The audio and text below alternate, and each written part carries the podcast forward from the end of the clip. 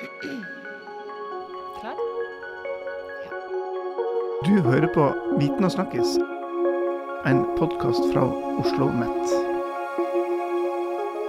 Velkommen til ny episode av podkasten Viten og snakkes. Jeg heter Halvard Nabol, og i dag har jeg med meg to bachelorstudenter, sykepleierstudenter her fra Oslo OsloMet. Velkommen skal dere være. Takk for det. Amalie Kallestad Vik og uh, Julie Kristin Hellund Angerer. Ja. Um, dere er nettopp ferdig med bacheloroppgave. Ja, det stemmer. Hvor lenge dere jobber med den? Eh, vi begynte på den rett etter sommerferien. Eh, holdt vel på i ti uker. Ja, offisielt ti uker. Vi begynte jo litt smålig før det i sommerferien, siden man, man kan jo begynne litt før hvis man føler for, og det var jo på en måte greit når det var litt stille og kunne gjøre litt forarbeid, da. Mm. Ja. Og dere har skrevet om en viktig del av jobben dere skal ut i som sykepleiere, turnuslivet. Ja, det er jo en ganske så essensiell del av, eh, av det å være sykepleier og jobbe turnus. Så da skrev vi liksom om hva, eh, hva de kroppslige konsekvensene av turnusarbeid er, og hvordan man eventuelt kan da tilrettelegge, sånn at de blir mindre, da. Mm. Men for oss som eh, ikke har jobba turnus i det hele tatt, hva vil det si å jobbe turnus som sykepleier? Kan du gi oss liksom et bilde av den hverdagen?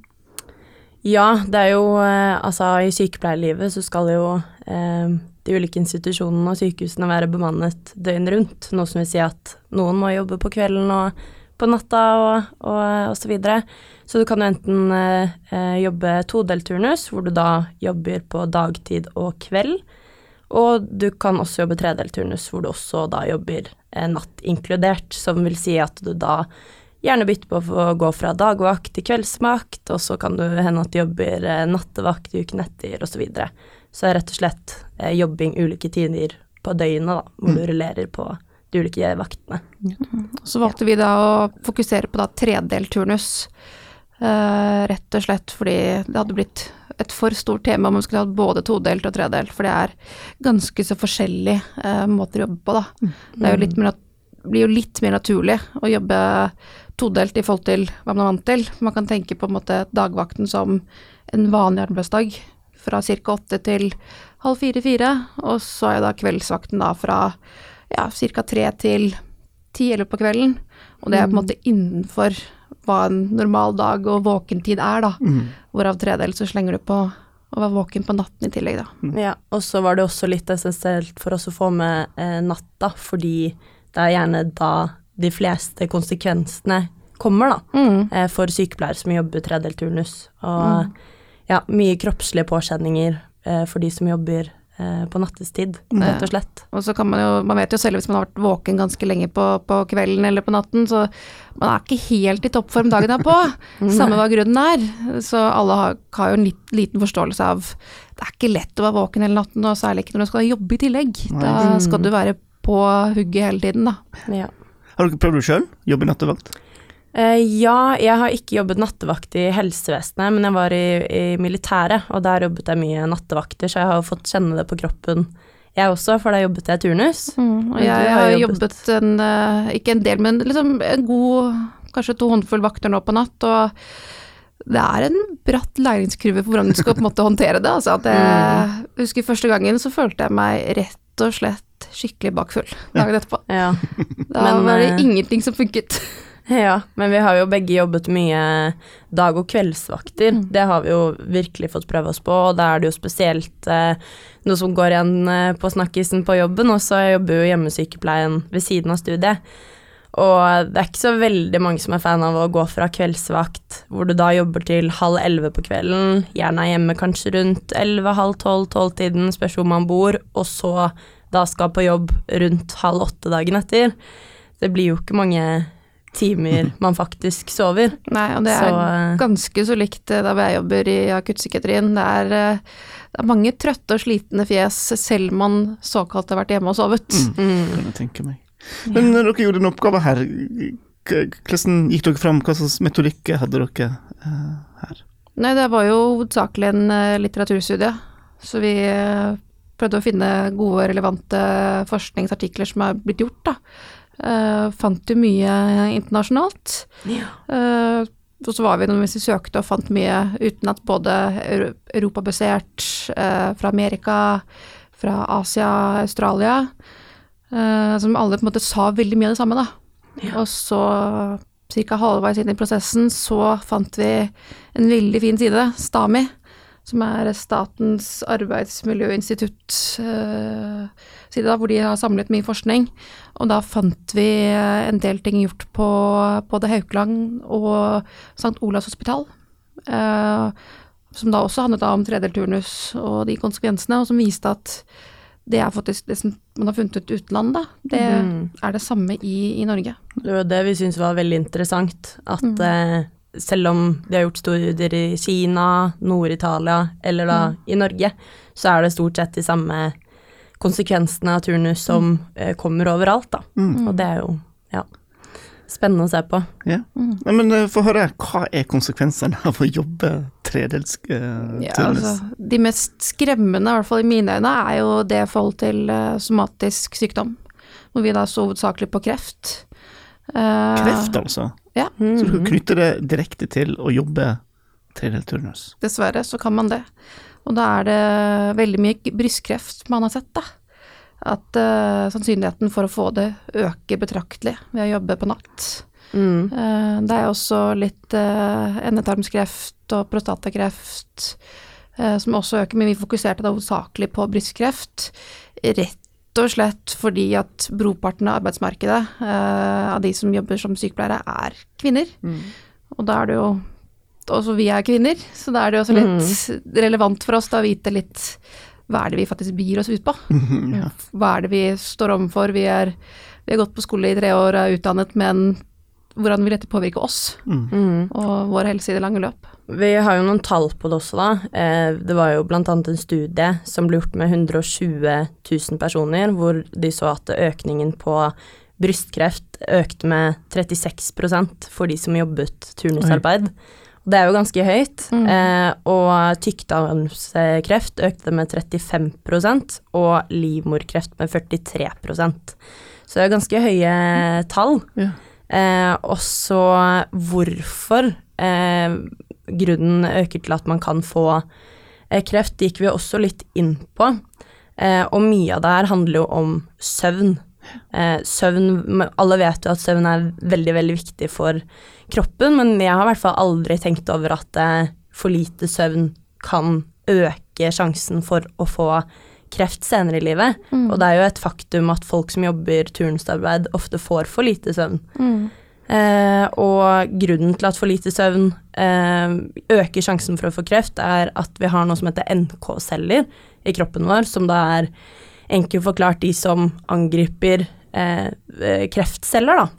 Det som kan eh, utvikle seg til å bli kreft, og dersom man sover for lite, så minsker nivået av NK-celler i kroppen, som da gjør at du egentlig får et dårligere utgangspunkt for å bekjempe eventuelle kreftceller, rett og slett. Mm. Og så er det jo også sånn at eh, alle har en naturlig døgnrytme i seg. Det er en, kan kalle det en uh, hovedklokke da, som sitter i hjernen, som styrer all respons i kroppen din. Og den er finjustert til at man er våken på dagen, sover på natten. Så den styrer, styrer både sultfølelse, den styrer trøtthet, den styrer immunforsvaret, og immunforsvaret ditt i løpet av et døgn den har forskjellige mm, nivåer og reaksjoner. Da. For er, man er vant til at man er våken på dagen, man er utsatt for flere eh, mikroorganismer, mer påkjenning på dagen, så da er immunforsvaret på en måte mer aktivt, da kan man kalle det, på dagen. Mens på natten så er det litt mer i hvilemodus. Så når du da på en måte snur om på det, og at du er aktiv på natten, og du utsettes for flere um, mulige uh, farlige stoffer da, på natten, mens immunforsvaret ditt er på en måte innstilt på å være i hvileforsvar, så vil det naturligvis si da at immunforsvaret er dårligere når man utsettes for flere farlige stoffer. da. Men, men altså, jeg ikke med dette her, denne faren dukker opp liksom etter første veka med tredelt turnus. Altså, ser du hvor lenge du må holde på med denne her, ja, livsstilen? Ja, nei, heldigvis, så det skjer ikke etter én nattevakt, det gjør ikke det. Det er jo over lengre tidsarbeid, og de største på en måte økningen i risiko skjer jo da gjerne etter ca. fem år. Eller man ser da en, en stor forskjell da, og da er det både at man da gjerne har tre til syv påfølgende nattevakter, altså vil si at du går tre dager på rad Mm. og jobber nattevakt hver av de tre dagene, da.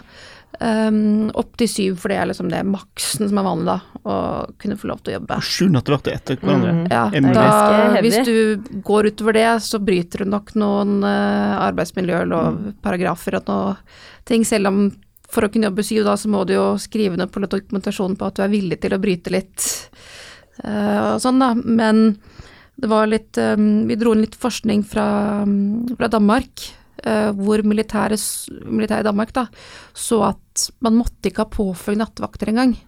Men det var bare fem år som var liksom cutoffen, da, for å se den økningen. Ja, i den studien så var det da at eh, kvinnene i Forsvaret jobbet tre nattvakter i uka, men de var ikke påfølgende. Men det, det viser jo på en måte bare hvor eh, avhengig kroppen er av å følge den naturlige døgnrytmen eh, som kroppen er innstilt på, da. Og dersom man eh, tukler med den naturlige døgnrytmen, så gjør det veldig mye med kroppen, og sikkert mer enn man har vært eh, klar over eh, også, da. Og enkelt forklart så er det jo egentlig bare eh, at eh, en naturlig, eller en unaturlig døgnrytme gjør at eh, det påvirker cellesyklusen. Mm. Og det er jo Cellesyklusen er jo på en måte at cellene skal dele seg, og hvis det oppstår en eventuell kreftcelle, så er det jo at det har mutert på en, eh, en dårlig måte, da, for å si det på den måten.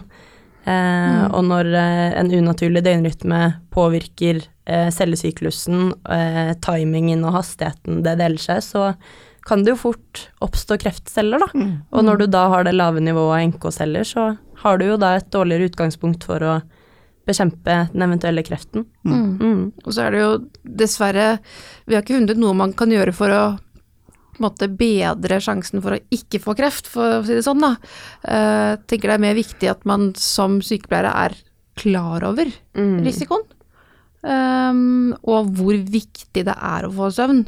Mm. Ikke bare fordi det er behagelig å ha fått nok søvn og man føler seg mer på hugget og mer våken og sånt, men også at uh, man må ta viktige tiltak og steg i retning at man får den gode søvnen man trenger, og at man får mest mulig god hvile. da. Mm. Mm. Og det var jo egentlig en av eh, hovedkildene vi brukte i oppgaven, var jo en eh, bok som heter 'Hvorfor vi sover', som rett og slett konkluderte med jo mindre du sover, jo kortere lever du. Mm. Fordi det påvirker så utrolig mye i eh, kroppen vår, da.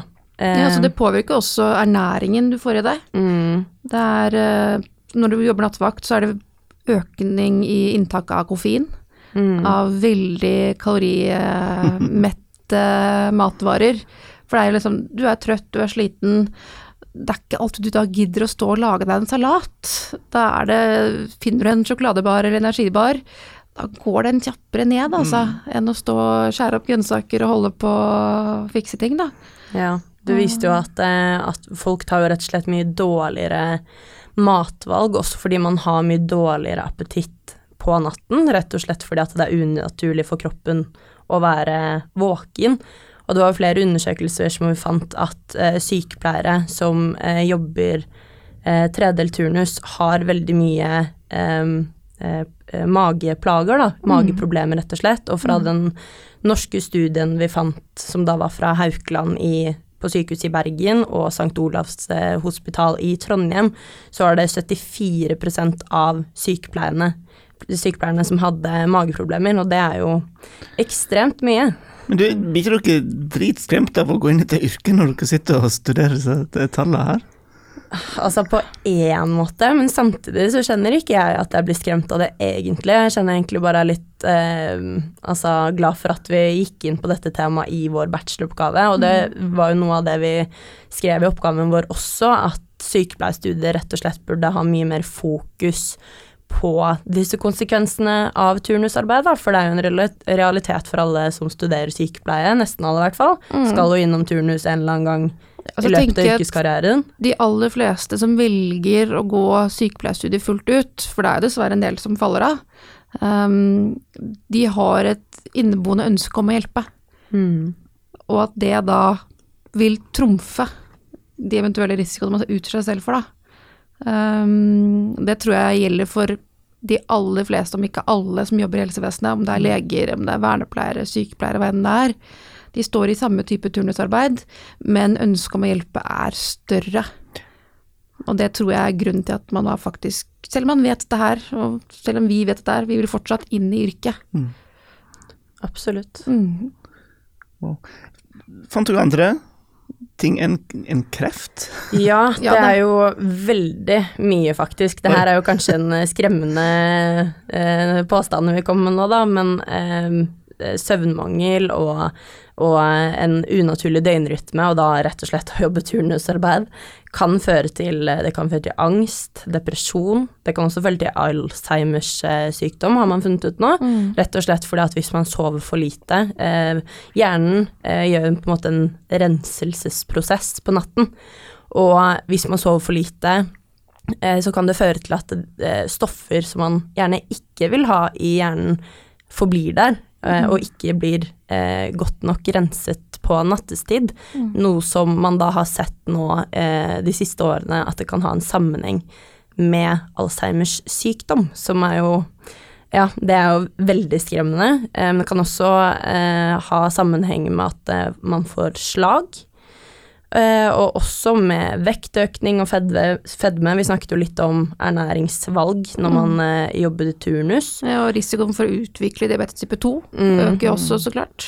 Den øker, og ja, ufruktbarhet, hjerteinfarkt det, er- Altså det, listen eh, går, går og går. Ja. Så det er, det er veldig mye, da. Mm. Men så Det vi fant jo også på en måte risikoen for pasienten i seg selv, da. Mm. Uh, ved at det er tredje turnus, er jo at eh, ulykker er jo Eller risikoen og sjansen for ulykker øker jo også.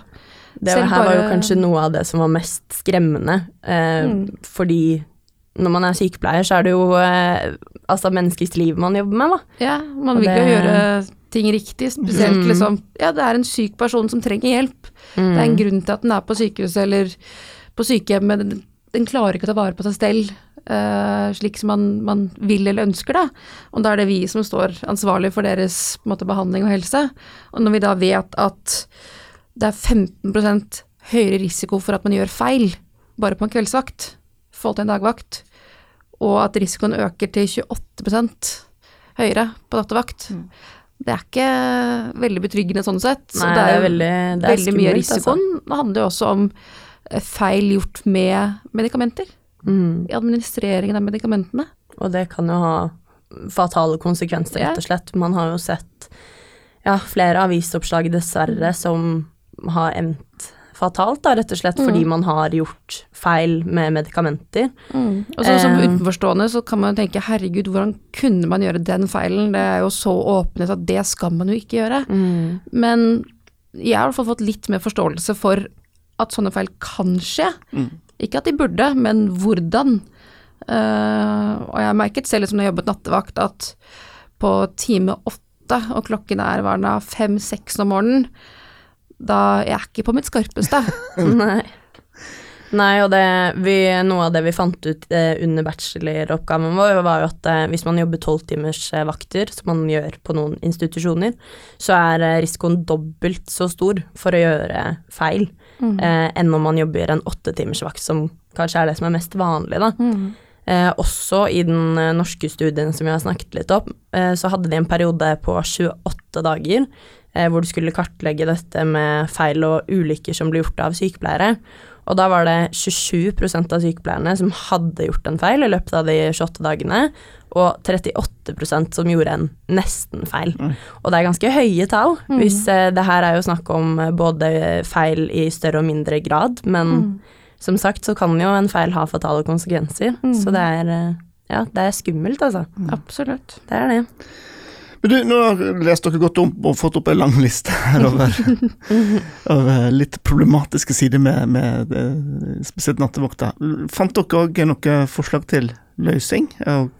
Altså, altså, nå har dere masse kunnskap om det, men mm. Mm. Ja, hva det kan vi gjøre med dette? her? i den studien de gjorde, eller unnskyld, det forskningsprosjektet de gjorde i Nord-Italia, uh, som kom ut av uh, Luxemburg-deklarasjonen, som ble etablert av eh, EU, så fant de ut da, for de tok et sykehus, og så så de på sånn gjøres turnusarbeid nå, hva om vi implementerer disse forandringene, hvordan vil det påvirke sykepleierne?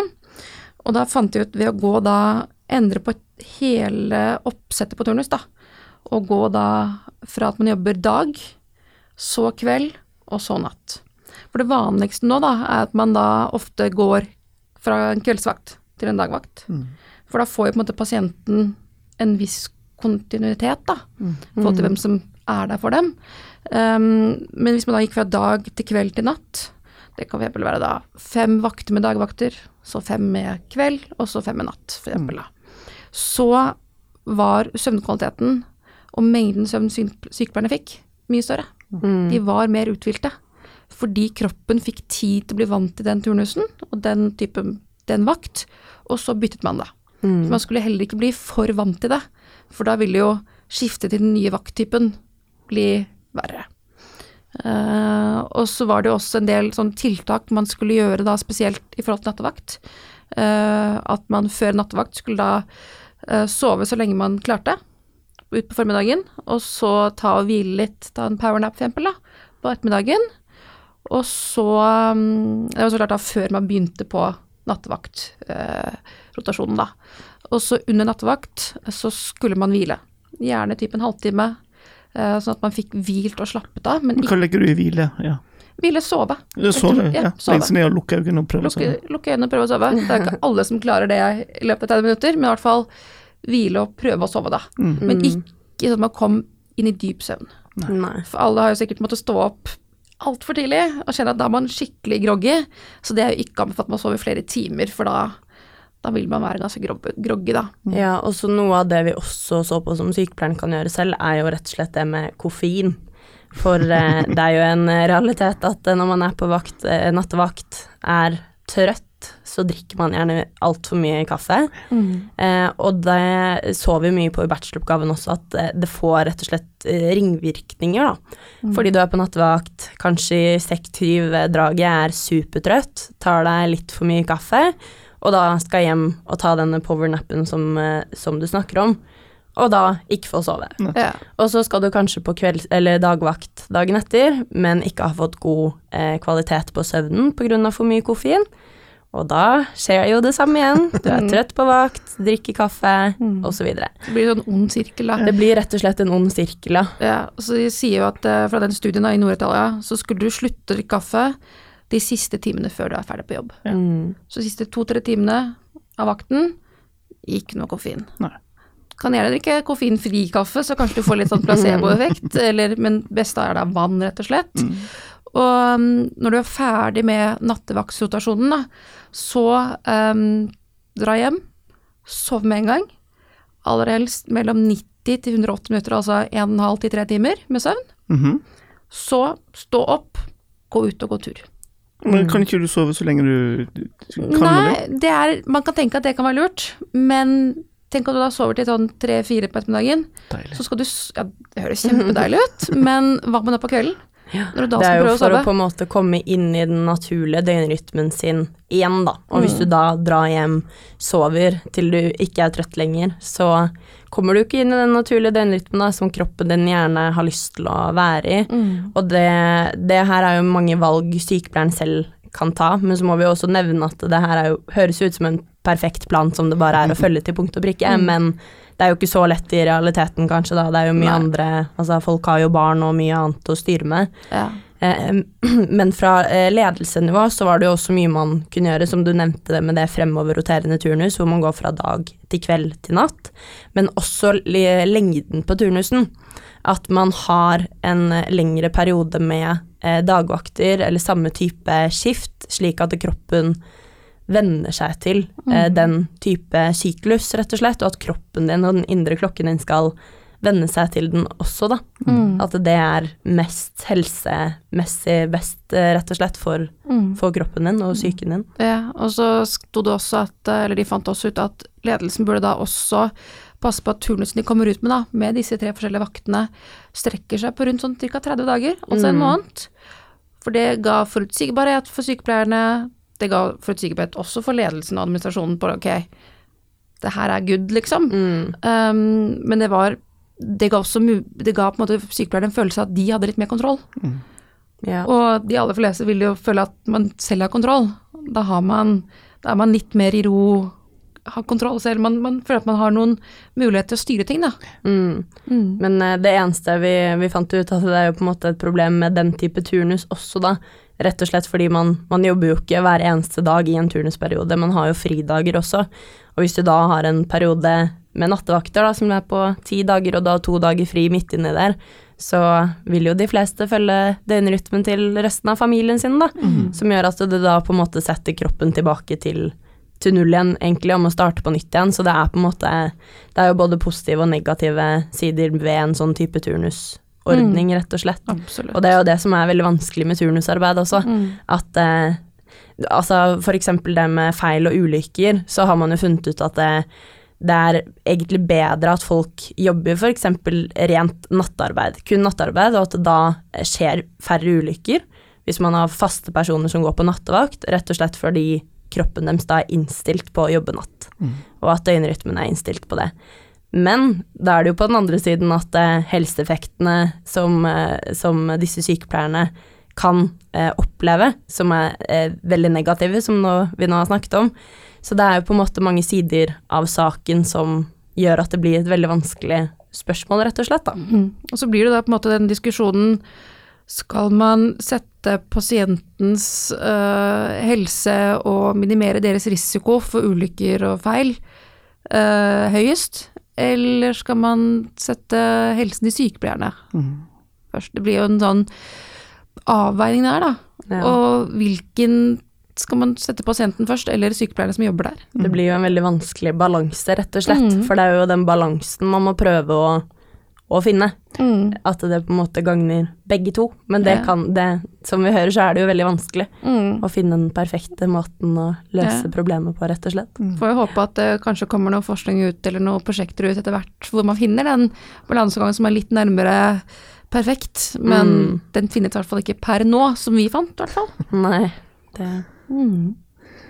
Men det høres i hvert fall ut som at dere er blitt et eh, ganske mye klokere på livet som uh, turnusarbeidende sykepleier. ja. Ja, det var jo også litt av håpet, fordi Mm. litt av poenget er jo til at vi tok dette temaet, var jo hvordan liksom, alt sykepleie handler om å ta vare på pasienten. Fremme deres helse, og at de blir friske.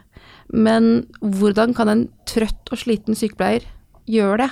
Mm. Så hvordan kan vi, hvilke tiltak kan vi som sykepleiere gjøre, slik at vi er den beste versjonen av oss selv, så vi kan gi den beste omsorgen vi kan gi. Og det tror jeg vi har funnet litt mer ut av.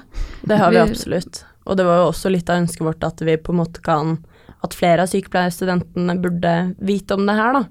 For det er jo, det er jo ikke bare oss som skal være på sykehusene rundt omkring holdt jeg på å si, og jobbe. Nei. Så eh, ja, det burde absolutt vært eh, Vi har jo ikke lært noe om det her på studiet i det hele tatt. Eh, så det hadde vært eh, interessant å se at skolen hadde tatt litt mer opp rundt dette temaet, da, så man var litt bedre forberedt rett og slett til å begynne å ta gode valg Mm. allerede første dagen som sykepleier ute på de ulike arbeidsplassene, rett og slett. Men nå har dere gjort et fantastisk eh, arbeid her, så nå, tar, og nå har vi spilt inn podkast, så da tar vi den og sender ut til alle sykepleierstudentene fremover, så får vi eh, enda klokere sykepleierstudenter som eh, er klar for turnuslivet. Ja, det er bra. høre. Mm. Amalia og Julie Kristin, tusen takk for at dere ville komme og fortelle om bacheloroppgaven. Det var veldig gøy. Takk for at vi kom med. Ja, veldig hyggelig. Altså, altså, nå har dere hva, et halvt år igjen av studiet. Ja. Ja, halvt år til å være ferdig sykepleiere. Det går fort. Det går Mm. fort. Og uh, har dere en plan for uh, livet etter studiet? Har dere bestemt dere for uh, karrierevei videre? Ja, man må jo jobbe to år som ferdig sykepleier eh, før man tar noe videreutdanning, så Mm. min plan er i hvert fall å søke jobb på et av sykehusene rundt her, og se litt Mm. hvor, hvor det ender, rett og slett, og så ta muligens eh, videreutdanning i anestesi etter de to årene. Mm. Spennende.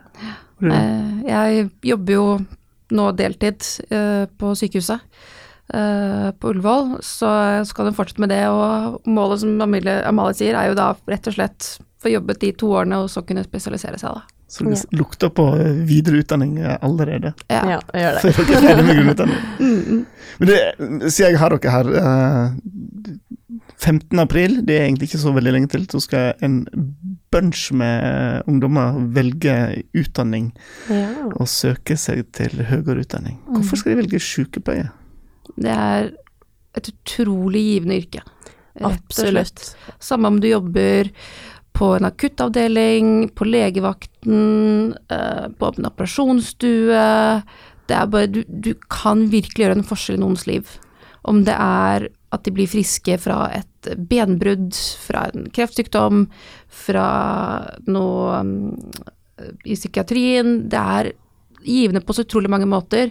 Og selv om man kanskje ikke er glad i, kall det blod og gørr og sånne ting, så er det andre deler av yrket som kan gi deg samme, den samme givende følelsen, da. Absolutt, og det er jo noe av det jeg i hvert fall liker aller best med sykepleierstudiet, at det er så utrolig mange retninger å gå. Man kan jo jobbe på ungdomsskole også, som helsesykepleier, Mm. på sykehus, på, på eh, sykehjem. Altså det er så mange institusjoner, da. Eh, på rehabilitering.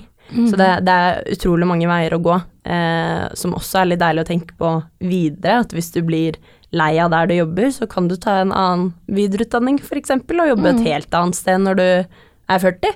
Ja. Så det, det er veldig sånn Ja.